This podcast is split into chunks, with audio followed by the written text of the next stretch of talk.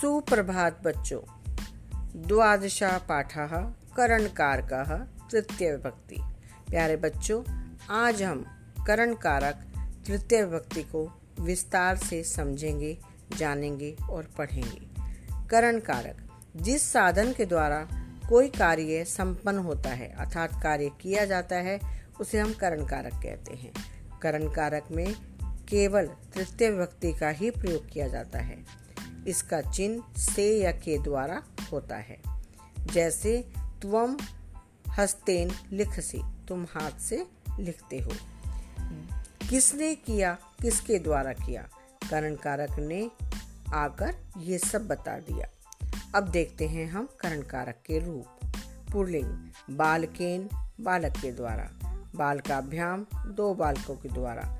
बालकई, अनेक बालकों के द्वारा। स्त्रीलिंग कया बालिकया किसके द्वारा? बालिका के द्वारा। बालिकाभ्याम, बालिकाओं के द्वारा। बालिका भी अनेक बालिकाओं के द्वारा। फलेन, फल से। फलाभ्याम, दो फलों से। फलई, अनेक फलों से। जन कहा पुत्रेन सह चलती।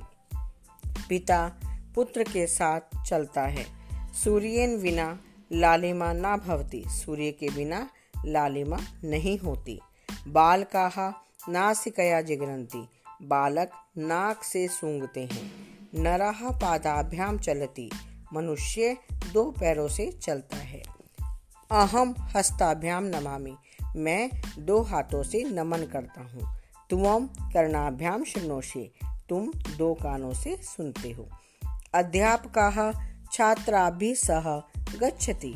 अध्यापक छात्राओं के साथ जाता है।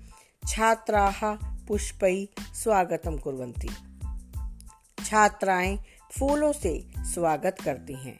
अध्यापक छात्रा भी सह वदती। अध्यापक छात्राओं के साथ बोलते हैं, सह नेत्राभ्याम अंध अस्ति। वह दो आँखों से अंधा है। अशोक पादेन खंज अस्ति। अशोक पैर से लंगड़ा है। बाल कहा मुखेन खादंती। बालक मुख से खाते हैं। जन कहा पुस्तकेन पठंती। जनाह पुस्तकेन पठंती। लोग पुस्तक से पढ़ते हैं। ते विद्या विनम्र भवंती। वे विद्या के द्वारा विनम्र बनते हैं। अहम कलमेन लिखामी, मैं कलम से लिखता हूँ या लिखती हूँ। वयम दूरदर्शनेन चलचित्रम पश्यामा।